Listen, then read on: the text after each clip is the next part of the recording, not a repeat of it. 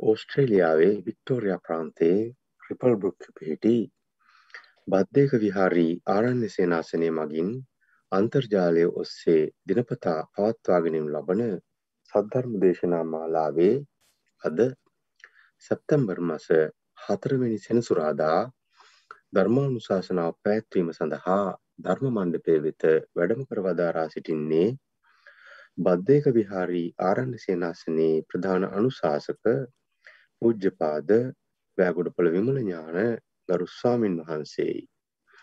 ගෞරවනීය ස්වාමින් වහන්සේව සාදුකාරයක් දී ආද නමස්කාර පූර්වකව පිළිගනිමු. සාදු සාදු සාදු. ගෞරවනීය ස්වාමින් වහන්සේ සද්ධර්ම ශ්‍රවණී සඳහා සැදී පැහැදී සිටින පිරිස ශීලයෙහි පිහිටුවා ධර්මානුශාසනාව ආරම්භ කරන මෙන් ඔබ වහන්සේට තමත් ගෞරවයෙන් ආරාධනා කර සිටිනවා සාදු සාදු සාදු.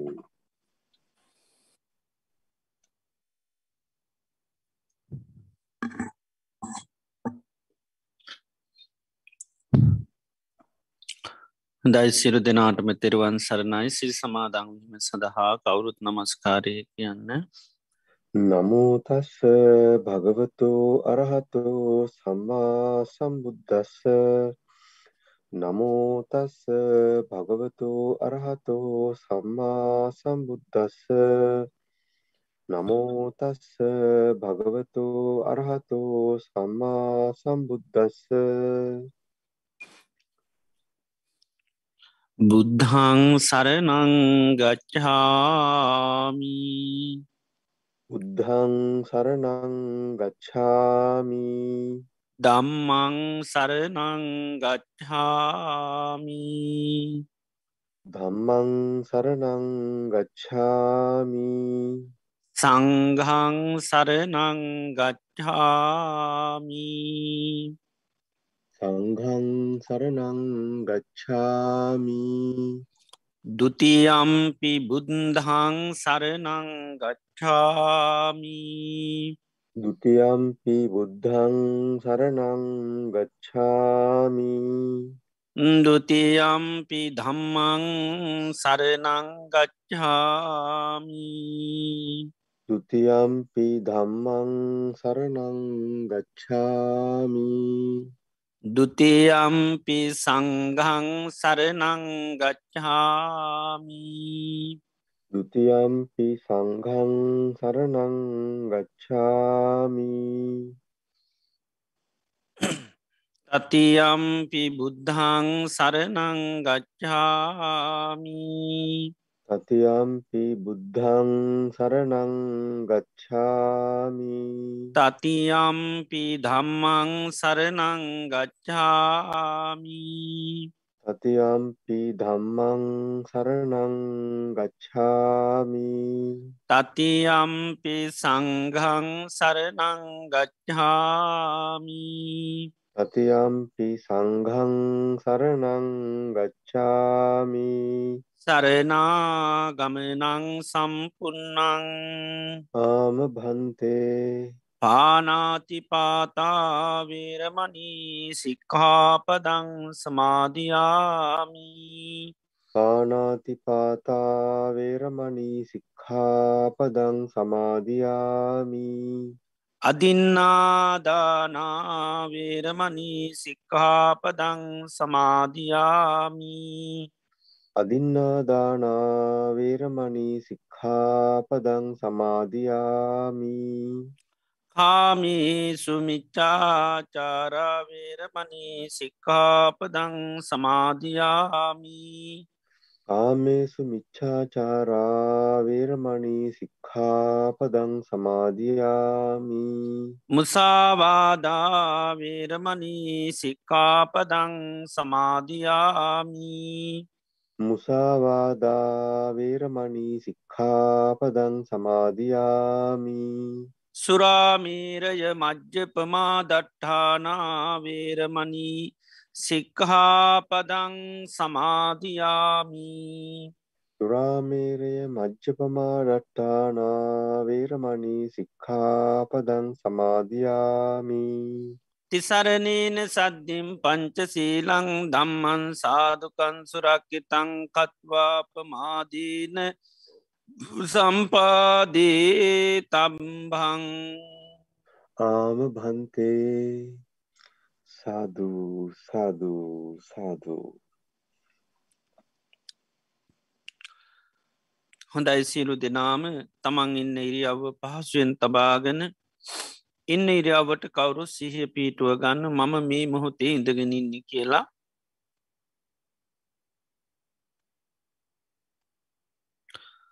මේ මොහොත අපේ සිරු දෙනාම මේ වාඩි වෙලා තැන්පත් වෙලා බලාපොරොත්තු වෙන්නේ භාග්‍යවත් බුදුරජාණන් වහන්සේගේ උතුන් අවවාදයක් අනුශාසනාවක් සවනී කරන්නටයි.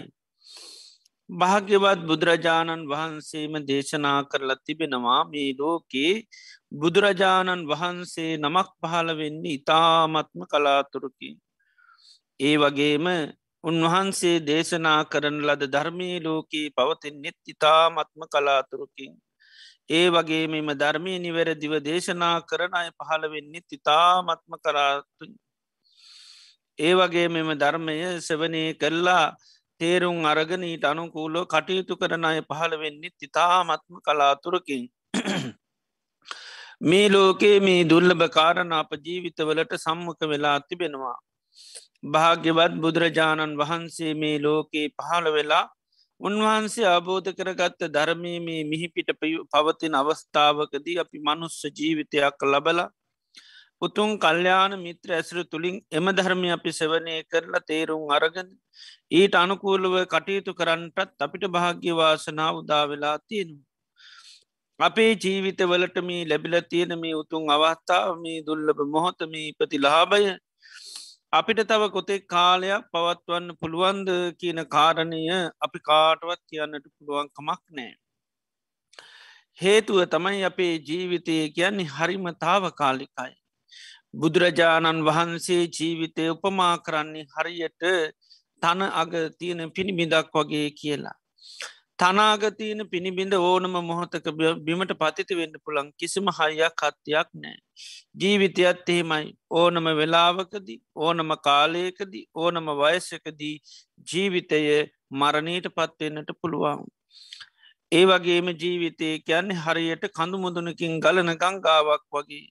කඳුමුදුනින් ගලන ගංගාව හැම මොහොත්තේම පහලට ගලාගෙන යනවා. ගංගාව කිසිම මොහොතක් නතර වෙන්නේ නැහැ. ජීවිතයත් එහෙමයි උපන් දවසේන්දල මේ ජීවිතය වේගෙන් ගලාගෙන යන්න මරණය කරා කිසිම මොහොතක්ේ නතර වෙන්නේ නැහැ. ඒවගේම ජීවිතය හරියට මරණයට කැපවුණු ගවයෙක් වගේ. ගවයෙක් මරණ තැනකට රැගෙන යනකොට තියෙන සෑම පියවරකින්ම ලංවෙන්නේ මරණයටයි ජීවිතයත් එහෙමයි. මේ ගෙවන හැම දවස් අපපාසාම රාත්‍රිය පැයක් විනාඩිය තප්පරය අපපාසාම ජීවිතය පියමන් නගන්නේ මරණයටයි. එවගේම ජීවිතය දියක ඇඳ ඉරක් වගේ දිය ඇඳීර වහාම මැකෙනවා. ඒ මැකිලා යන්න ඉර කවදාක්වත් අය දකින ලැබෙන්නේ. ජීවිතයත් එහෙමයි. යම් මොහොතක මේ ජීවිතය මරණී මැකෙනවා ඒ මැරණී මැකිල යන ජීවිතය අපිට අය කවදාක්වත් දකිට ලැබෙන්නේ.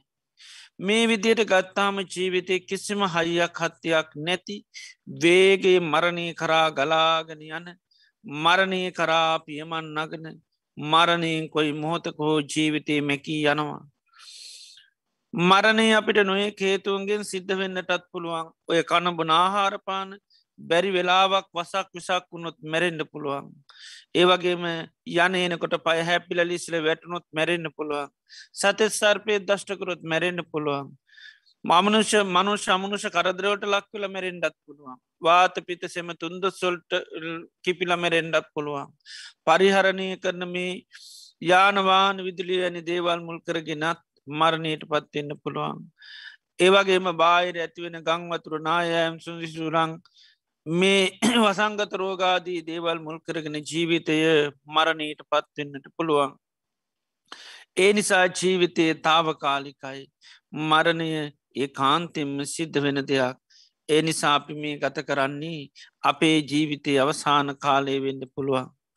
අවසාන දිනකේපේ සතකේපේ වෙන්ඩ පුළුවන් අවසාන දවස වෙන්නටත් පුළුවන් ලෝතුරා බුදු කෙනෙක්වේ ධර්මය අපිට හැමදා මහන්ට ලැබුන්නේ මේ මොහොත අපිට ඒ භාග්‍යවාසන අවදා වෙලා තියෙනවා මේ මනස බාහිර අරමුණු වලට යන්න නොදී මේ දේශනයට මුළු දෙශවාම යොමු කරගෙන මම මේ ධර්මය අබෝධ කරගන්නවා එකන දැඩි මානසිකත්වය ඇති කරගෙන අපි බුදුරජාණන් වහන්සේගේ ඒ උතුන් අවවාදය අනුශාසනාව සෙවනී කිරීම සඳහා අපි කවුරුත් සාධකාරයක් පවත්තම.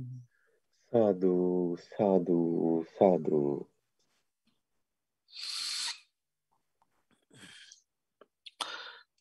නමෝ තස්ස භගවතු වරාතු සම්මා සම්බුද්දස්ස. නමෝ තස්ස භගවතු අරහතු සම්මා සම්බුද්දස්ස.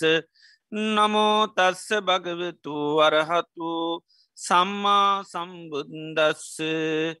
දසුත්තරං පවක්හාමී දම්මන් නිබ්භාන පත්තියා දුකසන්ත කිරියාය සබභගන්ත පමෝච නන්ති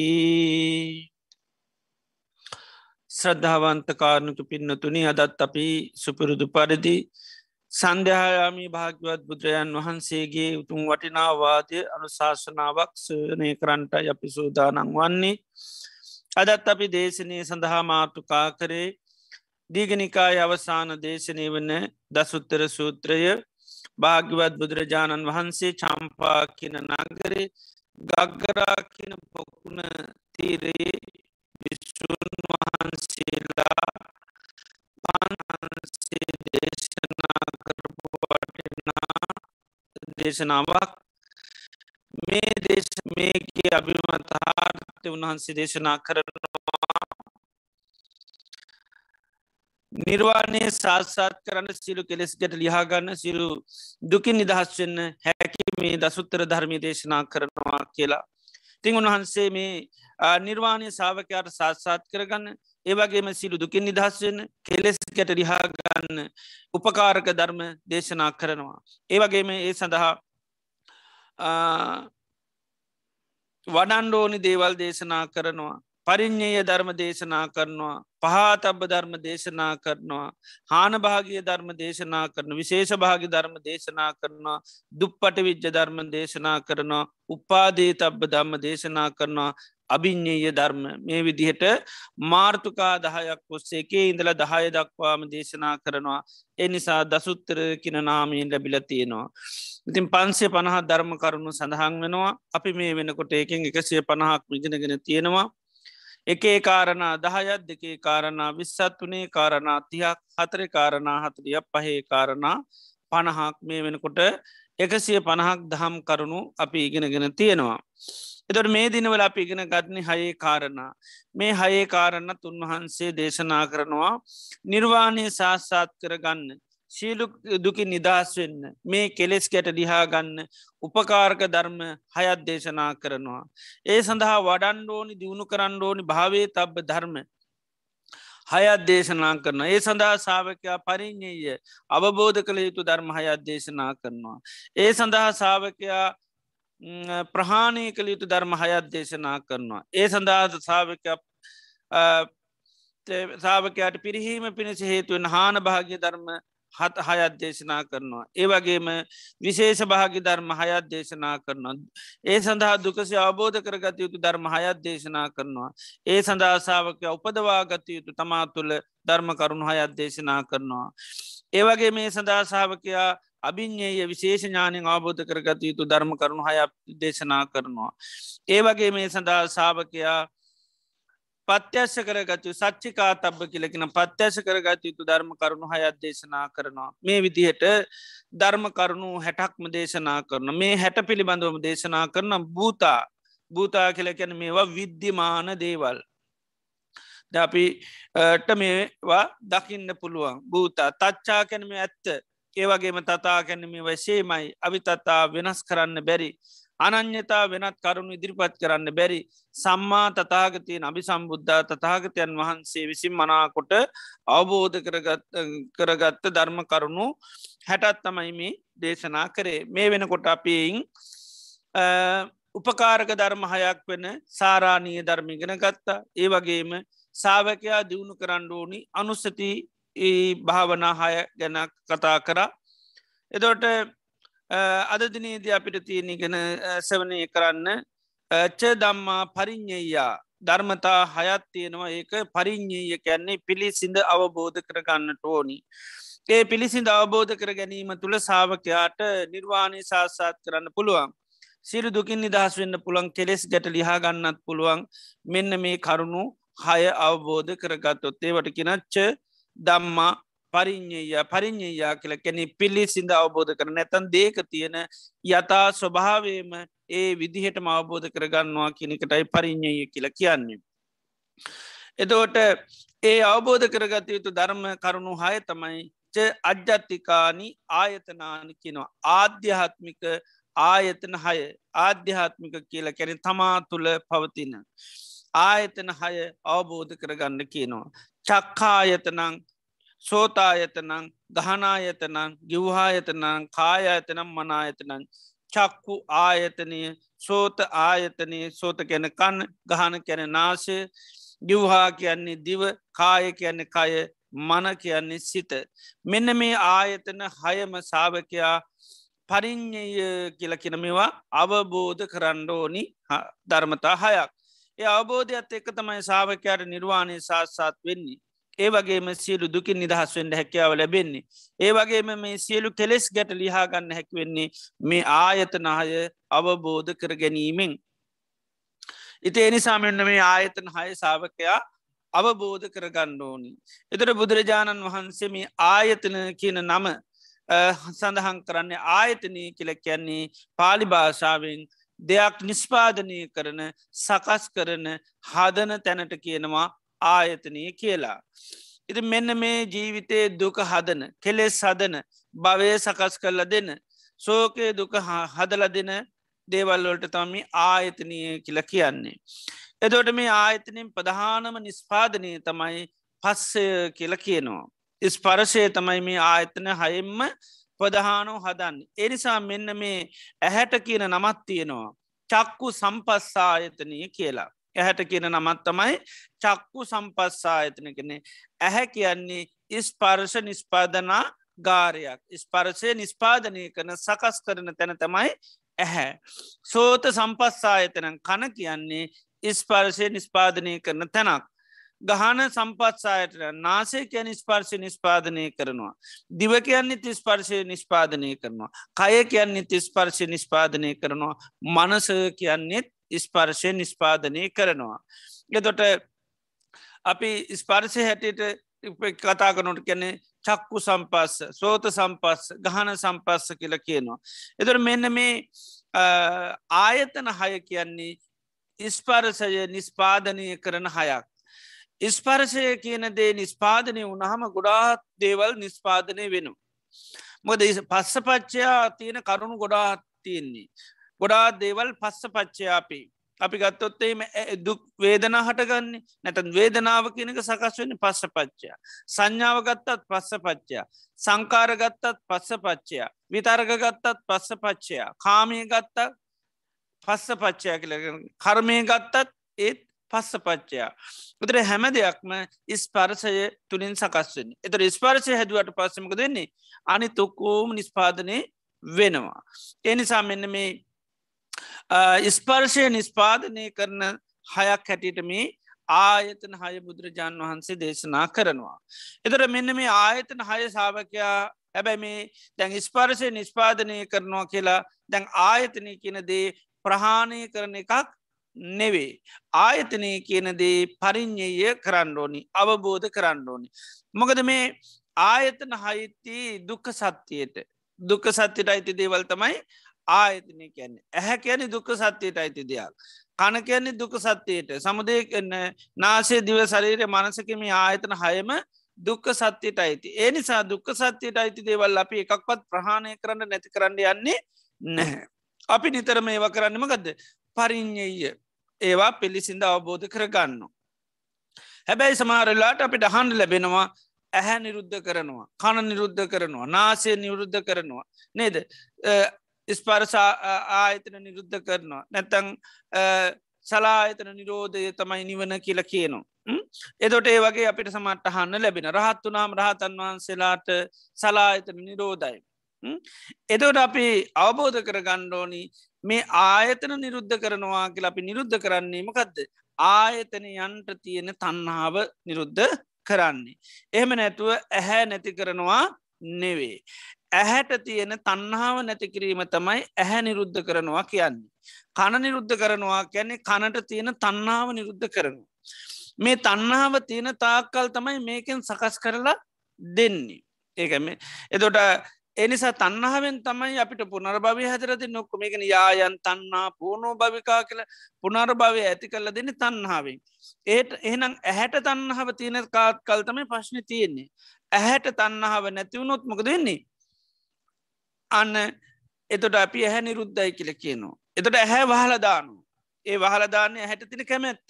කැමැත්ත වැැහවාම ඇහැතිබුරට ප්‍රශ්නයක් නෑ. ඇයි ඇහැට තින කැමැත්ත තිබුණොත්තමයි රූප බලන්නුවන් මොකද ඇහැට කැමැති වුණු ගමන් රූපේ නැමැති ආරාමට කියල පජංචිල්ට බලන්නවා. මොකද ඇහැට කැමති වුණොත් මෙයාව තියාගණඩ තැනක් ඕෝන් මෙයාට කැමති නැත්තම් මෙයාට තියාගණඩ තැනක් ඕනෙත් නෑ. එනි සරකින චක්කුංකෝ මාගන්ධිය රූපාරාමං මේ ඇහැ නිතරම රූපේ නැමැති ආවාසය ගෙදර තමයි පජංචිට යන්නේ. එතන ඉන්ඩ තමයි කැමැති. ඉති එනිසා ඇහැට කැමති වුණු ගමමකද වෙන්නේ. අන්න පජංචියට තැන් හොයා ගන්නවා. ඒවට කියෙන අපි රූප කියලා. ස කනට කැමති වුණු ගමන් පජංචීර තැනක් හොයා ගන්න එක තමයි සද්ද.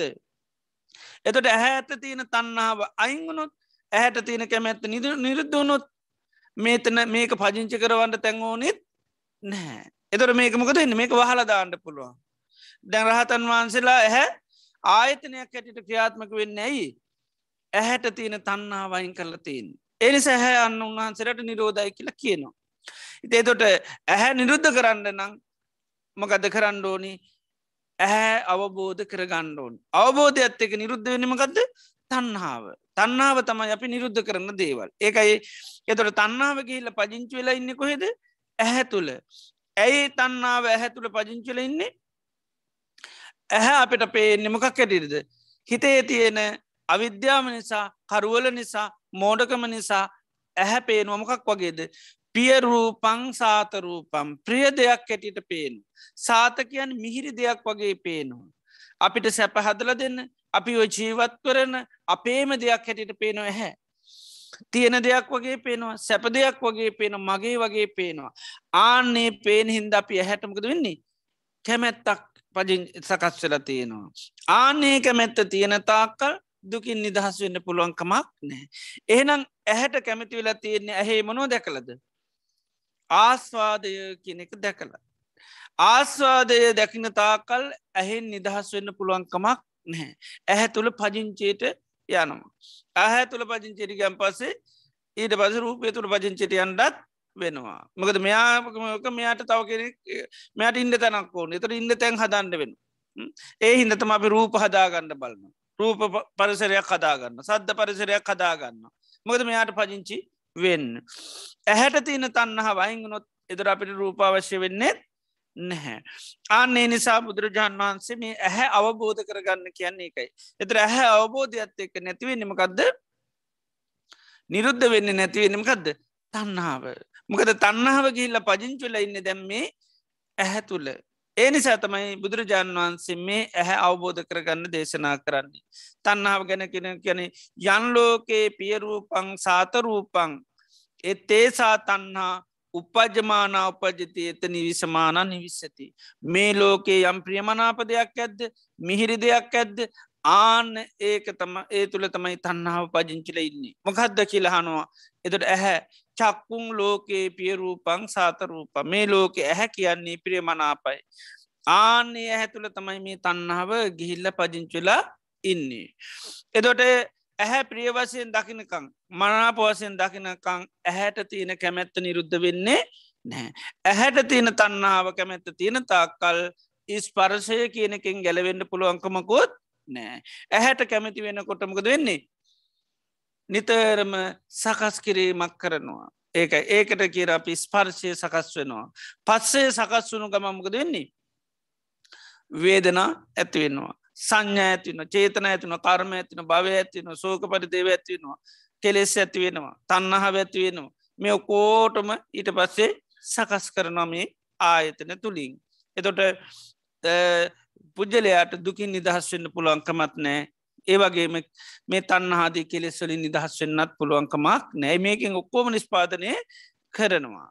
ඒ නිස්පාදනය කරන්න කරන්න කරන්න කරන්න ආයායිතින් මේ උපත ජරාමරණ කරාම යන්න සිද්ධ වෙනවා. ඉති එනිසා මෙන්න මේ ආයතන සාාවකයා මොකක්ද කරන්න ඕනි පරිින්්ඥය පරිින්්ඥය කියන්නේ අවබෝධ කරගන්න ඕන්. එතන මේවා අවබෝධ කරගන්න තාකල් මේ යම් කෙනෙකුට ජීවිතය අවබෝධ වෙන්නේ නෑ දැම් බෝසතාන් වහන්සේ බුදුරජාන් වහන්සේ බෝසත්තාවතිය ගැනත් කියනවා මහනන මේ ඇහේ තියෙන ආස්වාදාදීනු නිස්සරණ අවබෝධ නොකරන තාකල් සම්මා සම්බුද්ධහි කියල ප්‍රතිඥා කරේ නැහැ කියනවා. එතර උන්වහන්සේ මේ ආයතනයන් අවබෝධ කරාට පස්සේ තමයි සම්මා සම්බුද්ධයි කියල ප්‍රතිඥා කෙරේ. ති උන්වහන්සේ බෝසත් කාලයේදීම කියන සම්මා සම්බුද්ධත්වයට පත්වෙන්ඩ ඉස්සල්ල බෝධිසත්‍යයන් වහන්සේ නමක් හැටියට ඉන්නකොට උන්වහන්සේ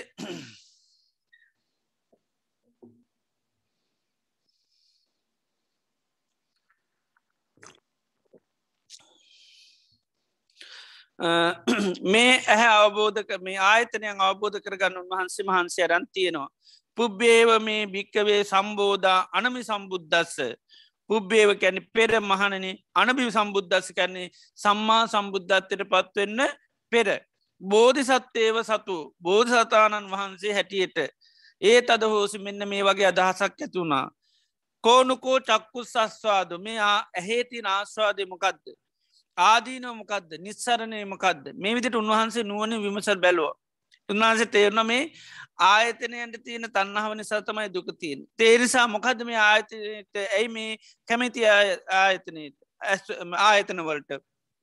එදර උන්වහන්සේ මේ ඇහේ ආස්වාදය තියෙන දැක්කම ආහැට ආස්වාදයක් තියෙන හිද තමයි මේ ප්‍රශ්න තියෙන්නේ.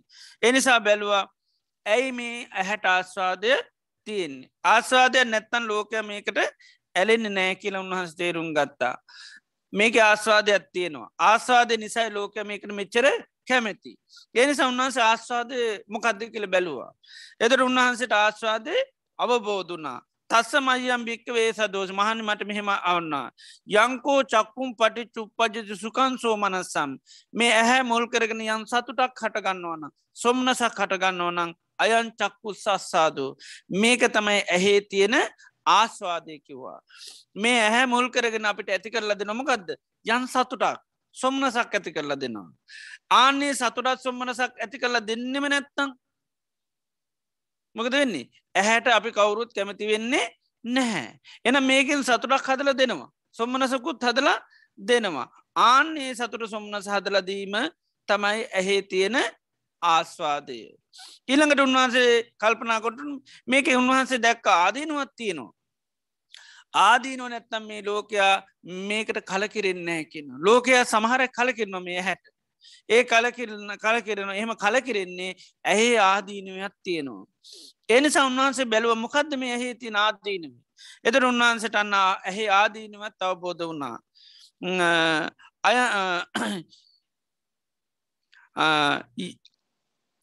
යංචක්කුන් අනිච්චන් දුක්කං විපරනාම දම්ම මේ ඇහැ කියන්නේ වෙනස් වෙන දෙයක්. ඒ වගේම දුක සකස් කරලා දෙන දෙයක් විපරිනාම ධර්ම කැන මේක වෙනස් වෙලා නැති වෙලා යනවා.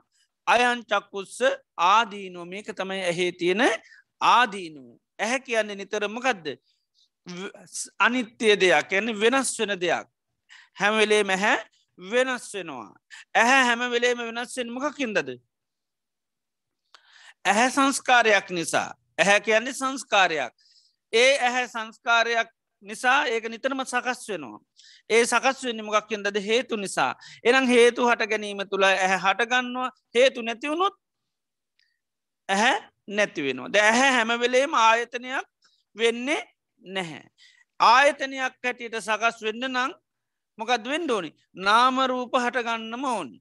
නාමරූප හට ගැනීම තුළ තමයි ඇහැ ආයතනයක් හැටියට සකස් වන්නේ. ද අපි දන්නවන කර්මාන්තා ඇතින ති නොනේ ඒව හැමවෙලේම බඩු නිස්පාදනය කරනවාද එහෙම වෙන්නේ නෑ සමහර වෙලාවලට අපි දවල් කාලෙ සමල්ලාට නිස්පාදනය වෙන ද රෑවෙනකොට ගොඩනැගිල්ල තින හැබ බඩු නිස්පාදනය වෙන්නේ නැහැ. කැබැයි ඇහුවත්තේ මන්න අතර තමයි කර්මාන්තා ඇතිනි තියනි කියල කියනවා. එතන දැම් කර්මාන්තා ඇතිනි තිබුණට හැබැයි බඩු නිස්පාදනයක් වෙන්න නෑ. ඇයි ආයතනේ නිස්පාදනය කරන අය හිටියොත් විතරයි බඩු නිස්පාදනය වෙන්නේ. මකද ගොඩනැගිල්ලට බඩු නිස්පාදනය කරන්න බැහැ ඇබැ ගොඩනැගිල්ලෙන් තොර කරන්න බැහැ ඒක අවශ්‍යම වෙනවා. එතන ඉදළමයි කරන්නත් ඕන්. ගෙවල්වල ඉඳල කරන්නත් බැහැ එතොට හැම වෙලේම නිස්පාදනය වෙන්නෙත් නැහැ.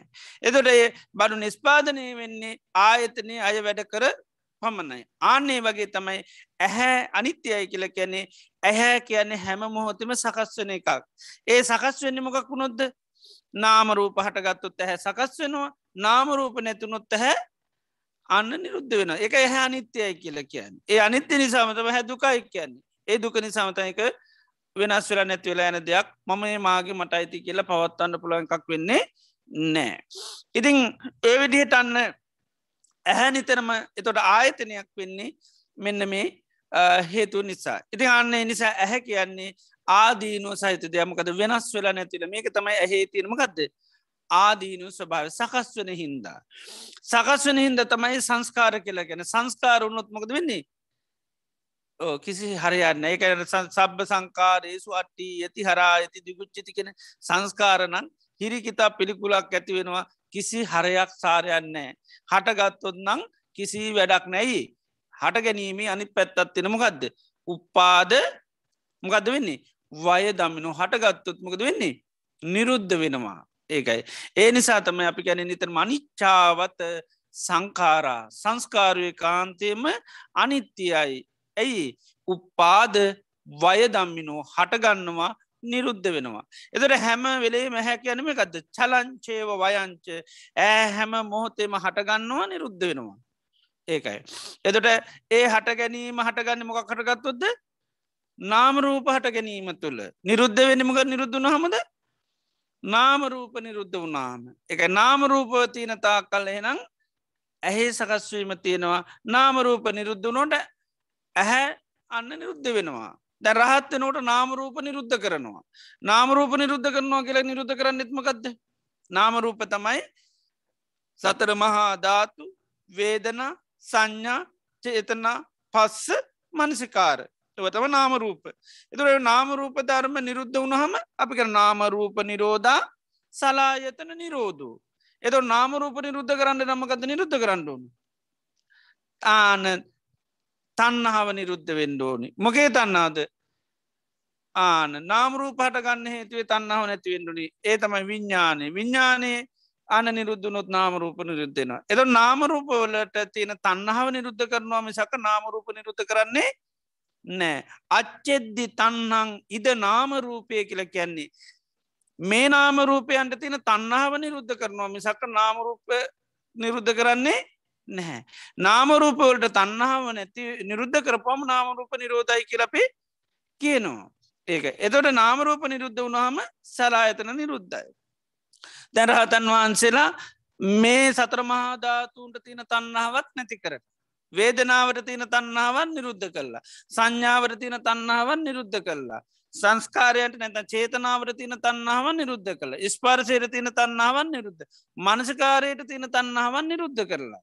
ආනේ නිසා තමයි උන්වහන්සේලාට ඇස්තිබුණට නිස්පාදනය වෙන්නේ නෑ. ඇයි අපි ගත්තොත් සංඥාව ද රහතන් වහන්සල සංඥාව නිරුද්ධ කල තියන ගැන සංඥාවබෝධ කරගෙන තින සංඥාවට තින තන්නාව නැති කල තියෙන.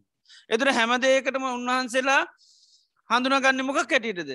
අනිත්‍යය දුක්කානාත්ම හැටියට දෙයක් දග හඳුනගන්නේ වෙනස් වනා කියලා වෙනස් වනා කියලා හඳුනගන්නකොටම ඉතින් හදන්න විදිහක් නෑ සද්‍යයක් ඇහෙනකට උන්වහන්සලට ඒක වෙනස් වෙච්චි සද්‍ය ඒක නිස්පාදනයක් වෙන්නේ නෑ ඉතින් ඒ විදිහටර ඇහැ කියන්නේ තුර නිතර මේ සකස් වෙන දෙයක් එනි සතමයි ඇහැ අනිත්‍යයයි දුක්කයි විපන්නාමය කියනවා. එතොට වෙනස්වීම තියෙනමගේද නාමරූප හට ගැනීම තුළ හටගන්න නාමරූප වෙනස්සුන ගම වෙනස් වෙලා යනවා. ඒ නිසාන්න ඇහ ඕක තමයි ඇහේ තියෙන ආදීනුවේ කියනවා. එතොට බොසතාණන් වහන්සේ හැටියට ඔය ආදීන උන්වහන්සේ යන්න නොන විමසුන්ට උන්වහන්සේ එතොට අපි දැන් සාමාන්‍යෙන් හිතානන්න අර බෝධිමූලයට ගියා ඉඳ ගත්තා භාවනා කලා සම්මා සම්බුද්ධත්තයට පත්වනා කියලන්න නේද?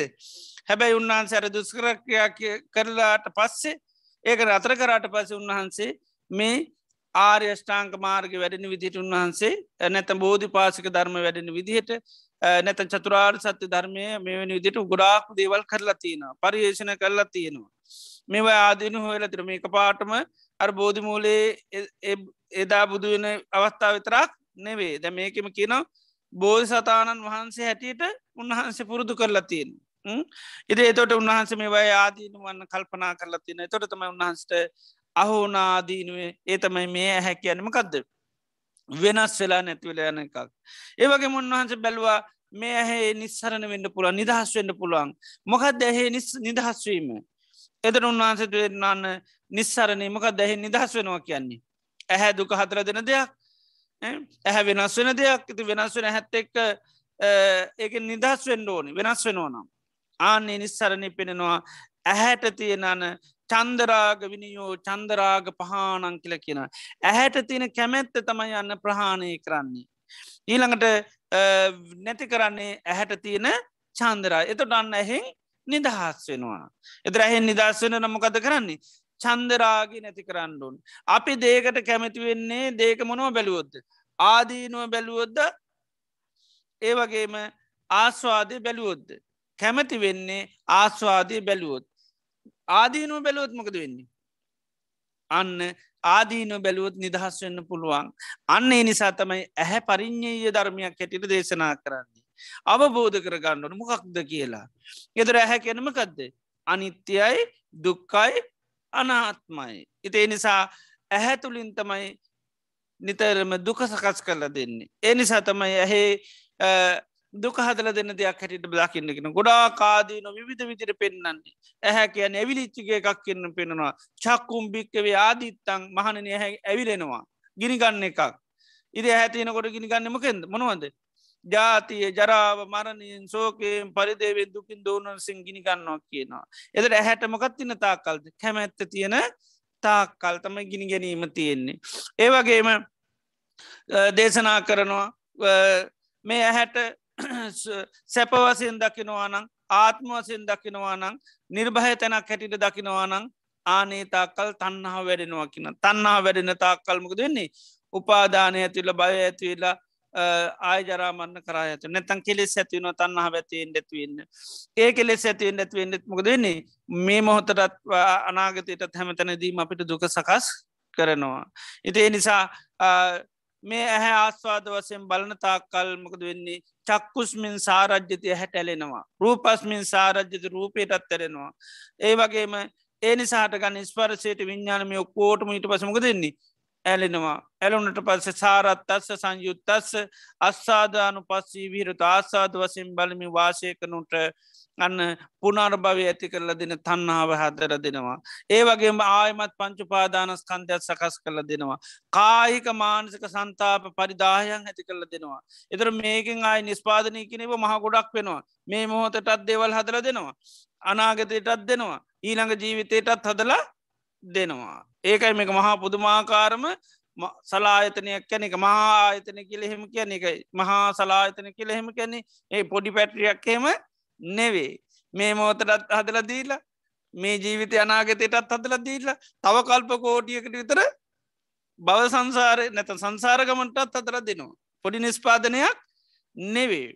ඒ නිසා කිනවා මතු පංචුපාදානස්සන්දයක් සකස් කල දෙනවා. කායික මානසික සන්තාප පරිදායන් ඇති කළ දෙනවා මේ මොහොත්තට මේ මොහොතේ විඳවන ස්වභාවයකුත් ඇති කරලා දෙනවා. කායිකවත් මේක නිසා විඳවන්න වෙන මානසික විඳවන්නත් වෙන මනසට විතරන්නෙම කයටත් මෙහෙමයි. ඉතින් ඒ විදියට මේ ආයතනයන් තුළින් නිතරම මේ දුක සකස්වීම කියන එක සිද්ධන එක මේ මොහොතර විතරන්නවේ අනාගතයටත් සිද්ධ වෙනවා. එතොට කෙලෙස් ඔක්කොම හදර පංචුපාදානස්කන සන්දය සකස්කම ඔක්කොම හදල දෙනවා. මෙන්න මේ ඇහැට තන්නහව තියන තාකල් රූපයට තන්නහව තින එදර ඇහැට තන්නහව තියෙන්නේ ඇහැ අන්න ආස්වාද වසයෙන් බැලුවොත්තේම සැප හදල දෙන දෙයක් හැටියට මගේ දෙයක් හැටියට ආත්ම දෙයක් හැටියට සුක දෙයක් හැටියට දැක්කොත් තියෙන් ඉති මේක බුදුරන් වන්ස පෙන්න්නන්නේ හරියට සරුවත්බීමක් වගේ කින වහදාපු. වහදාපු සරුවත්බීම පිපාසේ නිවාගන්න කියලමකද කරන්නේ? පානය කරන පානය කරාට පසමකද වෙන්නේ? ඉතින් විඳවන්න වෙනවා. ඒක ඒ වගේ තමයි ආසාාව කියන දේෂ්ට කරන්න පාවිච්ච කරනවා මේ ඇහැ කණ නාසේ දිවස අන්තිමෙනමකද වෙන්නේ? ඒකෙන්ම තමයි යන්න සරුවත් බොනවා වගේ වහදාපු පිපාසය නිවේ නිවෙන්නේ. කවදාකොත් පිපාසය නිවිලයන්නේ නෑ. තව තව තව තව තව දුකට අහන පීඩාවට පත්වෙන මොකද මේක සැප විඳින්න සුදුසු එකක් නෙවේ මේක සැපහදල දෙන්න මේක ඒ නිසාතමයි සමහරතන් හිස් ගෙවල් වගේ කියෙන මෙතන හිටියයි කියල කිසි දෙයක් ලැබෙන්නේ ඇහැ තුළ පජංචුනා කියලා කන තුළ පජංචුනා කියර නාසේ තුළ පජංචුනායි කියලා මේ පැට්‍රිවලින් කිසිම හරි දෙයක් නිස්පාදනය කළ දෙන්න හදලා දෙන්නේ මොකද? දුකම තමයි අසානයම පීඩනීම මේ බව පැවැත්මමයි සකස් කරලා දෙන්නේ. ඉති නිසා තමයි සාාවකයෝ මේක අනිත්‍ය වශයෙන් බලන්නේ. ඒක පැත්තක තියෙන ආදීනව ඇත්තවමකක්ද ඇහැ කියන්න හැම මොහොතේම හටගන්නුව නිරුද්ධනවා හටගන්නව නිරුද්ධ නොන එක මම කියල ගණ්ඩත් බෑ. මගේ කියල ගණ්ඩත් බෑ. මට අයිති කියල ගන්නත් බැහැ එනිස හැමද වෙලේ ඇහැතුළින්මකද වෙන්නේ? සහ හටගන්නවා නිරුද්ධන එනිසා ඇහැතුළ පජංචල ඉල්ල වැඩක් නෑයිමකද ඒක හටගන්නවා නිරුද්ධ වෙන ආත්ම හැටියට ගණඩ බෑ. ඇහැ මගේ කියල ගැවොත් කිවට වැඩන්න ඇයි? ඇහේ තියෙනම ගදද උපාදෝපි වයෝපි. හට ගැනීම නැතතුට මම මටමකද වෙන්න හැවෙලේම ඕ මම හටගන්නවා නිරුද්ධෙනවා ඒකයි. ඉතේ එතොට එනං ඒක මගේ කියල කොහොමුවත් ගන්න බැහැ ඇයි ඒක සකස්වීමක් ඒකන අපිට ඇයට අපිට ඕනවම් පේනවාද? අපට ඕනමව ඇහැට පේෙන්නේනේ ඕනෙවත් පේනවා එපායවත් පේනවා කැමතිවත් පේනවා අකමැතිවත් පේනවා. නේද? එපාකිවත් පේනවා ඕන කිවත් පේනවා ඕන් නෑකුවත් පේනවා. ඒමකද සකස්වීමක් නිසා. ඒ මොහොත හැටගන්න හේතුත් එක සකස්ව නොම සක මේක මට ඕනිව බලන්ඩෝ එහෙම පුළුවන් එකක් නෙවේ මට හොන්නේ වතියාගන්නත් බෑ බල බල. අනිත්‍යව නොබල ඉන්නත් බැහැ. එක සකස්වීමක් ඉතින් ඒ විඩියට අර ආදීන බැලුහම්තම හැට තියෙන තන්නහාව නැතිවෙන එක අප හැ අනිත්‍ය වශයෙන් තරම් භාවනා කරන්නේ. අනිත්‍ය සංඥාව දියුණු කරන හැ පිළිබඳ. ඒවගේම දුක සංඥාව අපි දියුණු කරන හැ නිතරම දුකක් හැටිට දකිින්ට කියනවා. ඒකයි ඇහැ දුක සකස් කරලා දෙන්න දෙයක් හැටිට දකිනවා. මේ ඊළඟ අපිට භවය සකස් කරලා දෙන්න මේ හැපකාරන මේ මොහොතේ අපි අඩන්නේ වැලපෙන්නේ සෝක කරන්නේ පසුතැවෙන කම්පාවෙනමකක්ද මේ ඇහැ නිසා. ඉතාන්නේ නිසම්මික දුක හදර දෙන්න තැනක් හැටිට දකිනවා. එතුට ඇහැන් හැබැයි දුක හදර දෙන්නේ ඇහැට කැමැත්ත තියනකං විතරයි. එති නිසා දුක හදර දෙන්න දෙයක් හැටි දකිනොට අහන්න මේක සැප හදර දෙනවා කියන සංඥා වයින් වෙනවා මේක දුක හදල දෙන. එතර දුක්කේ අන්න සුක සංඥාව නැතිවන දුක්කේ දුක්ක සංඥාවම පාල වෙනවා දැන් තියෙන දුක්කේ මන සංඥාවද සුක සංඥාව ඒනි සතමයි ඇහැට කමිති වෙලා තියෙන්නේ. ඉති එනිසා අහ යන්න දුක වසයෙන් බලනවා අයිති නැති දෙයක් හැටිට බලන්න මේ විදිට ආදීන ගුඩා බුදුරන් වන්සේ විධාකාරතැන්වලදී දේශනා කරනවා. ඉතින් ඒ බලන්න බලන්න බලන්න ඇහැ ඇත්ත යථා ස්වභාවය අවබෝධ වෙනවා ඇහැ කියන්නේ වෙනස් වෙන එකක් දුකට අයිති එකක් ඒ වගේ මැහැ කියන්නම ගදද භවය හදල දෙනවා දුක හදර දෙනවා. ඒ වගේම ඇහැ මම කියලගණ්ඩත් බෑ මගේ කියලගණ්ඩත් බෑ මට අයිති කියලගණ්ඩත් බෑ. නේතම් මම නේසෝ හමස්මින්න මේ ඒසෝ මේ අත්තා. මම නොවේ මගේ නොවේ මගේ ආත්මය නොවේ. මේ විදියට අන්න ආදීනුව බලනකොට ආදීනෝ යන් දවසක හරියට අවබෝධ වුණුත් තමයි ඇහෙන් එයා නිදහස් වෙනවා. දැ රහත් වනා කියන්නේ ඇහැ අවබෝධ කරගෙන තියෙන්නේ. ඒ වගේම කනවබෝධ කරගෙන තියෙන්නේ. එතොට රහතන් වහන්සේලාට ඇස් පේ නැද්ද? පේනවා. ඇබැයි පේන දේ උන්වහන්සේලා අපි වගේ වරදවා ගන්නේ නෑ ඒකයි දිට්ටේ දිට්ට මත්තන්. දැක්කොත් දැක්ක විතරක් වන ඇහුවොත් ඇහවා විතරක් වන මොකද දකින දේත් එක හිත එකතු වෙලා බැඳිලා යන්නේ නෑ අඩ ස්පර්ශය කැනමකක්ද තින්නන් සංගති පස්සු ඇහැයි රූපය විඤ්ඥානය ගැට ගහනවා. බැඳල දානවා. එකතු කොල්ල දානවා. ගැට ගහල දැම්මමකද වෙන්නේ? ඕ ගැලවෙන්නේ නෑ. එකයි එතර රහතන් වහන්සේලාට දිත්තේ දිට්ට මත්තන් කියනෙයි ඕ උන්වහන්සේලාට අන්නර ගැට ගහන තන්නහාමුකද කරලා තියන්නේ? නිරුද්ධ කරලා. නැතැන් ගට ඇලවනවා. අලවන්නමකෙන්ද ගංවලින් රහතන් වහන්සේලා තන්නහම නැමති ගං වේලලා. නැතන් සිින්දිලගහින් තින ගන්නෑ ගන්න ඇතුව මොනහරි අලවන්න කිවත්මකද වෙන්නේ? ඒව ඇලවෙන්නේ නෑ. තිබ්බා තිබ්බ විතර ඇලිලා තියෙන්නේ නැහැ. ඒ වගේම තමයි උන්වහන්සේලාට අපි කැන දිට්ටේ දිට්ටමත්තන් සුතේ සුතමත්තන් කියලා කියන්න. එතරම හේතුව තමයි ඇහැට තියෙන තන්නාව නිරුද්ධ කළ ඇහැට තියෙන තන්නාව නිරුද්ධ කරේ කොහොමද? ඇහැ අවබෝධ කරගත්ත. මොකක් හැටිද අනිත්‍ය හැටියට දුකක් හැටියට අනාත්ම හැටියට. අනිත්‍ය දුකන එකතම ආදීන. උන්වහන්සලා සසර පුරා බැලපු ආස්වාදයට අමතර උන්වහන්සලා ආදීන බලන්නක ආදීනව බලනකොටතමයි පේන්න පටන් ගන්න.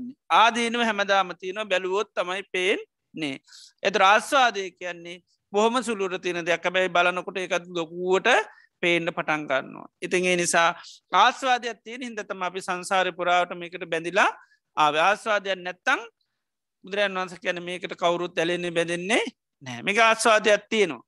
ආස්වාද තිනින්ද තමයි ලෝකයා මේකට අතර මංවෙලා මංමුලා වෙන්නේ. හැබැයි ඒ වගේම ආදීනවකුත් තින ආදීනු බැලුවොත් හැබ ආත්සාදයට වැඩිය සිය දහස් ගුණෙන් තින මනවද? ආදීනුව. අර කේක එකට වහ දැම්මොත් එහෙම ඒක රස නැති වෙන්න සුවඳ නැති වෙන්න නෑ ලස්සන නැතිවෙන්නෙත් නෑ හැබැයි බලගත දේ බවට පත්වෙනම ගදද වස.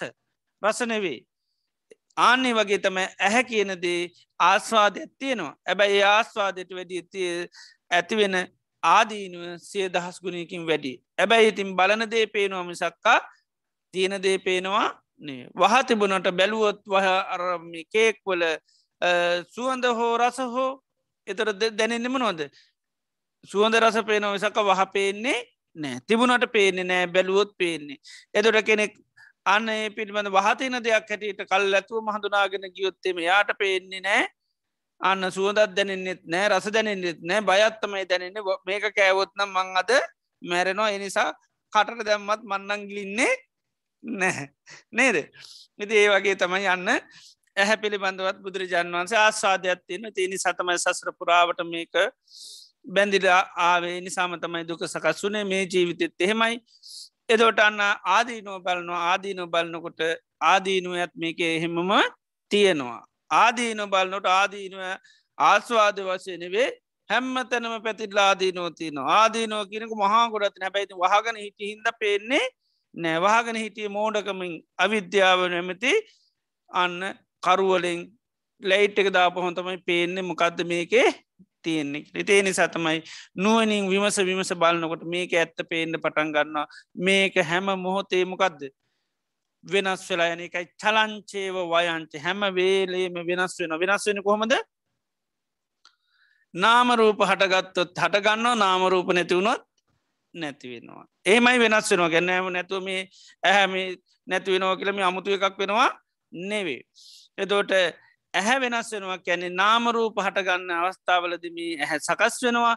නාමරූපන වෙනස් වෙනකොට මේ ඇහැ වෙනස් වන එකයි නිරෝධය කියල කියන්න. දැන් ආයතන අප ගත්තොත්තෙම කංකරුවෝ ආපවිලාවට ආයතනය වැඩ කංකරුවෝ නැතුනම් ආයතනේ අන බඩු නිස්පාදනය වෙන්න නෑ දැන් ඇහෙන් හැම්වෙලේ අපිට නිස්පාදනය වෙනවද? ස්පර්ශය. නැහැ. හැම්වෙලේ ස්පර්ශය නිස්පාදන වෙන්න එහෙනම් ඉතින් ඒක විතරක් තියේවි. එහම වෙන්නේ නෑ. මේක ආයතනහයම විධාකාර ස්පර්සින ආනීට අනුවතම අපට විධාකාර වේදන ඇහැගත් අත් එක වෙලාවට උන්න එහෙන් හදර දෙනවා. සැපයක් සමල්ලට දුකක් සමල්ලට පේක්ෂාවක් ඉතින් ඒ ඒ අර ස්පර්ශය වෙනස් වෙනකොට තම එක වෙන්නේ. ස්පර්ශය වෙනස් වෙන අර නාම රූප වෙනස් වෙනකොට වෙනස් වෙනවා. ඉතින් ඒ විදිහට මේ ඔක්කෝම ආයතන හයම. එතොට අපි සාාවකය අවබෝධ කරගන්න ඕනි. මේවා ඔක්කෝම අවබෝධ කරන්න ඕනි. මේ අනිත්‍ය දුක්කනාත්ම ඇහැ ප්‍රහාණය කරනවා කියලා ඇහැ අන්ද කරගණ්ඩුවත් මුකුත් කරන්න යන්නේ නැහැ. එකයි ඇහැ පරිින්්ඥය ධර්මයක්. නැතඟ ආයතනයන්ගන්න දුක්හදල දෙන්නේ. නි සමං ආයතන නැති කරන්න ඕන කියලා ඇහැ නැති කරගෙන හරියන්නේ නෑ. ඉතින් එහෙම කරන්න සමානලාට සමහරය මේක දුකක් හැටි දැකල මෙවන් ඇහැට දේවල් නොපනී යන්න දේවල් කරනවා. ඇහැට දේවල් පේන්නේ ඉතින් හිත තිබුණොත්නේ හිත නිරුද්ධ කරගත්ත නැතන් සංඥාතියන හිදන පේන්නේ නිසායා සංඥා විර හිත වෙනවා. ඒ හින්දතම අසං්‍ය භාවනා වටන්න. ඉත අසං්‍ය භාවනා වැටුවමකද වෙන්නේ. අන්න අර කර්මාන්තය ටික කාලෙකට වහලා දානවා. ඒකයි වැඩ කරන අය පොඩ්ඩක් එපන්නල දානු. ඇබැයි එහෙම දැම්මට වැඩක් නෑ අයිතිකාරය හිටියෝ තාය කොයෙන් හරි ගේනවා ඉතින් ඒ නිසා මේ ආයතනයම් පිළිබඳව තොට අවබෝධ කරගන්නවා මිසක්කා නිරුද්ධ කරන ධර්ම නෙවේ. අවබෝධ කරගත්තාම නිරුද්ධ වෙන්නමකක්ද ඇහැට තියෙන තන් නහවයි. ඇයට තින තන්නාව නිරුද්ධ වුණොත් අන්න ඇහෙන් නිදහස් වුනා කියලා කියනවා. ඒකයි ඇහෙන් නිදහස් වනාම රූපෙන් නිදහස් වෙන්නත් පුළුවන්. විඤ්ඥානෙන් නිදහස් වෙන්නත් පුළුවන්. ඉළඟට ඒ තුනෙම නිදහස් වන ගමන් ස්පර්ශයෙන් නිදහස් වෙන්නක් පුළුවන් වේදනාවෙන් නිදහස් වෙන්නක් ලොක්කෝගම නිදහස්. ස්පාර්ශයෙන් නිදහස් වනා ගැන ඊට පසේ අනිත් හැම එකෙන්ම නිදහස් වෙනවා. එතිේ නිසා මේ ආයතන හය පිටිබඳව සාාවකයා හොඳට අවබෝධ කරගන්නඩොත් මේක පරිින්්ඥය ධර්මයක් ඒක එතොට නිරුද්ධ කරනවා කියලා කිව්වට හැබැයි නිරුද්ධ කරන්නමකක්ද ඇහැනෙවේ ඇහැට තියෙන තන්හාාව. ඇහැට තියෙන තන්නාව නිරුද්ධ කරන්න නම් ඇහැට තන්නාවක් ඇතිවෙන්නේ ඇහැ මොකක් හැටිට බැලුවොද්ද. සැප තැනක් හැටියට බැලුවොත් ආස්වාද හදර දෙන දෙයක් හැටියට මම හැටියට බැලුවොත් මට අයිති දෙයක් හැටියට බැලුවොත්තම යන්න කැමැත්තක් ඇතින එනිසා බලනම් මේක මගේ දෙයක් නොවේ මේක හේතුවට ගැනීමෙන් හටගන්න හේතු නැතිීමෙන් නැතිරේ නිසා පිනිතරම් බලන්මගද සමුදේ බලනවා වය බලනවා හට ගැනීමත් බල නොනැතිීම හටගන්නමක් කටගත්තොද නාමරූප හටගත්තො තෑ හටගන්නවා නාමරූප නැතුනුත් ඒ හැ නිරුද්ධ වෙලා යනවා ඒක තමයි අපි සමද නැතං හට ගැනීම නැතිවීම් බලන්න. එතොට ඒ විදියට බැලුවාම ඇහැට දීර තියෙන වටිනාකම්මකද වෙන්නේ. ඇහැ වෙනස් වෙනවා කියල දැක් හමන්න කැමැත්ත නැත්විල යනවා. වෙනස් වෙලා යනවාකිව එක මගේ වෙන්නෙත් නැම්මට අයිති දෙයන්නවේ අයිතිමගේටද නාම රූපේට විතරයි. නාමරූප තියෙන කන්තිය නාමරූප ගියොත්තේම වැඩ කරන අය පැට්‍රියෙන් ගියොත්තේම පැට්‍රියෙන් කිසි දෙයක් නිස්පාදනය වෙන්නේ නෑ පැට්‍රි වහලා. දැ මේක සමල්ලට වහලා තියෙන්නේ. ඉති මුකුත් නිස්පාදනය වෙන්න නෑ හැබැයිති බාහිර ඔක්කෝම නිස්පාදනය කරන්න කළමනාටි ගැහෙනවා හැබැ ඇතිට වැඩ කරනයි නැතින්දමක දෙන්නේ සද්ධහමනට වැඩක් නෑ නේද? ද මැටීරියල් ලොක්කොම තියන සමල්ලට. ඉතින් ඇතුළ වැඩ කරනයි නැතුනුත්මක දෙන්නේ බඩු නිස්පාදනය වෙන්නේ නෑ. කනට සද්‍යහෙනවා එවනට වැඩන්න වැඩ කරනය නැහැ ආන්නේ වගේ තම් මේ ආයතනත්. එතේ නිසා මේක හැම වෙලේම නිස්පාදනය වෙන තැනක් නෙවේ. ඒ නිසා තමයි මේක මගේ නොවෙන් නේ වැඩ කරන ආයුත් ආවොත් වැඩ කරාවි ඒ ආවි නැත්තං අන්න දේවල් නිස්පාදනය වෙන්නේ නෑ. ඒ නිසා අපි බලන්න මේක අයිතිය එකක් නෙවේ.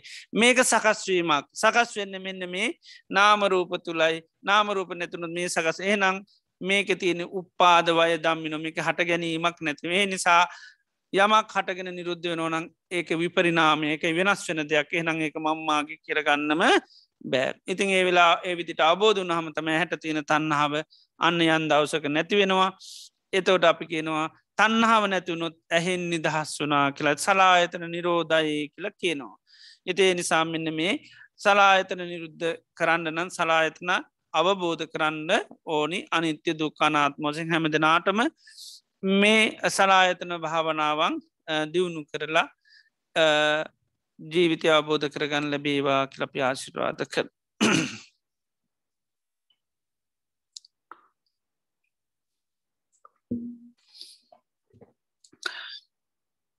හොඳයි අද දිනේ. දිත් අපි තාම ශ්‍රද්ධාවෙන් ගෞරව බත්ති යුතු ලෝතුරා භාගවත් බුදුරජාණන් වහන්සේ අපේ ජීවිත සුවපත් කරන්ට දේශනා කරපය උතුම් වටිනා ධර්මය අපි තාම ශ්‍රද්ධාවෙන් ගෞරයෙන් බත්ති යුතු සවනය කරන්ට යෙදුනා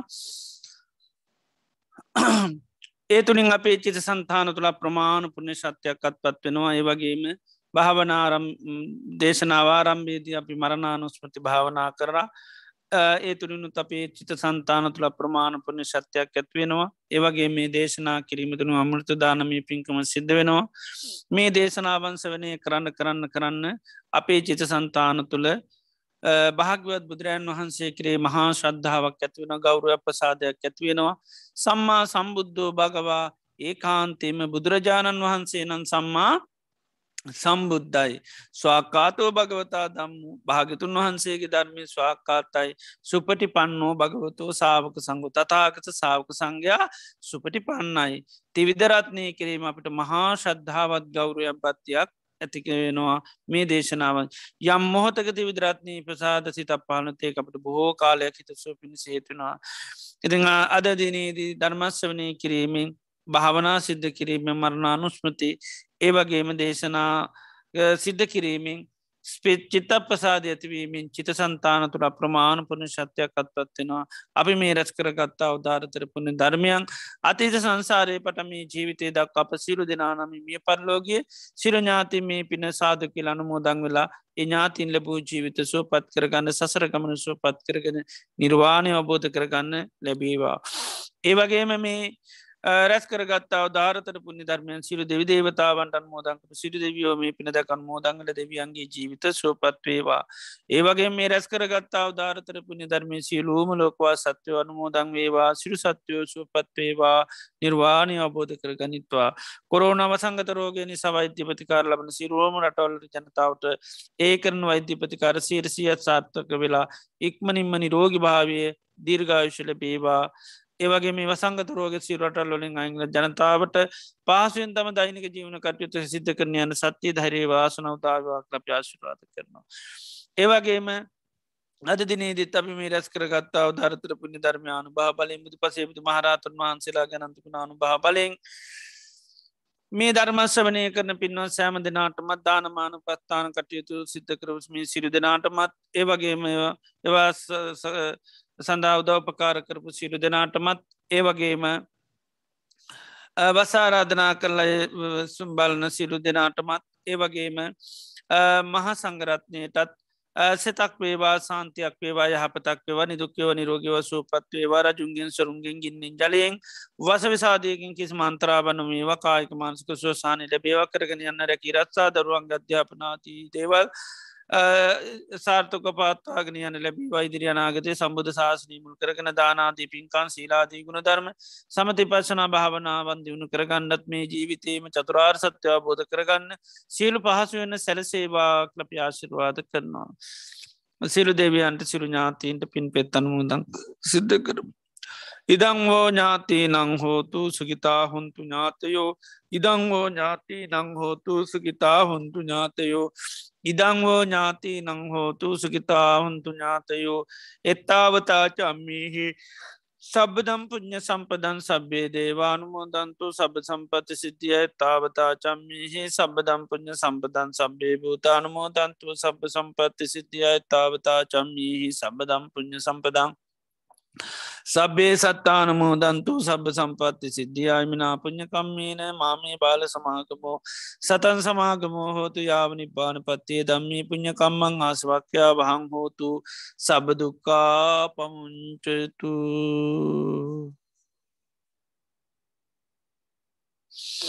තුන්වන්ගේ අනතුගුණ අනුභා බලෙන් සැමදනාට සෙස සාන්තිවවක් ලප ආශිරවාද කරනවා. සබ්බීතියෝ විවජ්ජන්තු සබරෝගෝ විනාසතු මාතේ බවත්තන්තරායුස්කීදීකායකෝ බව බෞද්ධ සබ මංගලන් රක්කන්තු සබ දේවතා සබ බුද්ධාන භාවන සබ දම්මානු භාවන සබ සෝගාඩු භාවන සදහා සුත්ති භවන්තුතේ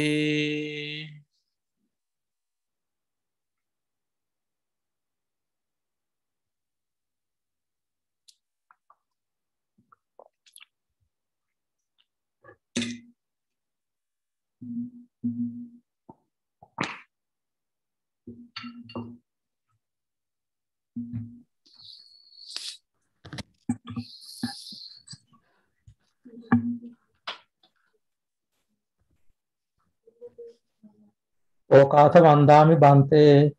සුපැත්තේවා. මයා කතම් පුඤ්ඤං සාමිනා අනුමෝදි තබ්බං තාත් සාදුරමෝදාමි සාමිනා කතම් පුඤ්ඤං මය්යන්දා තබ්බං සාධවන මුත්තම්ම තත්සාදු අනුමෝදාමි. ඕකාස ධාරත්තයන කතම් සබ්බං අච්චයන් කමත මේ බන්තේ අමාම කමිතම්.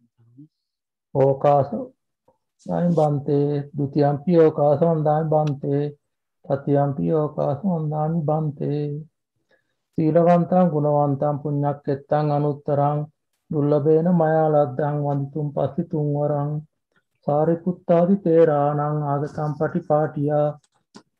සද්ධා සීල දයාවාසං බුද්ධ සූත්තං නමාමහං. බද්ධක විහාරි ආරණ්‍ය සේනාසනය මගින් අන්තර්ජාලය ඔස්සේ විකාශනය කරනු ලබන සද්ධර්ම දේශනා මාලාවේ අද සැප්තැම්බර් මාස 4 වන දින ධර්ම දේශනාව පැවැත් වූ බද්ධක විහාරි පදනමේ ප්‍රධාන අනුශාසක පූජනීය වැෑගඩපල විම ඥාන ස්වාමින් වහන්සේට චිරාත් කාලයක් බොහෝ දෙනාගේ ධර්මාවබෝධය ලබා දීම පිණිසත් ශාසනය කටයුතු සාර්ථකව ඉදිරියට ගෙන යාමටත් අවශ්‍ය නිදුක් නිරෝගී සුවය ප්‍රාර්ථනා කරන අතරම පතන් අවබෝධයකින් ධර්මාවබෝධය ලැබීම පිණිස අප සියලු දෙනා රැස් කරගත් සියලුම කුසලානුසංසයන්ද හේතු වේවායි. සාදු කියා ප්‍රාර්ථනා කරමු. සාදු සාදු සාදු. ධර්ම ශ්‍රවණය කළ ඔබ සැමට සම්මා සම්බුදු සරණයි. Recording stopped.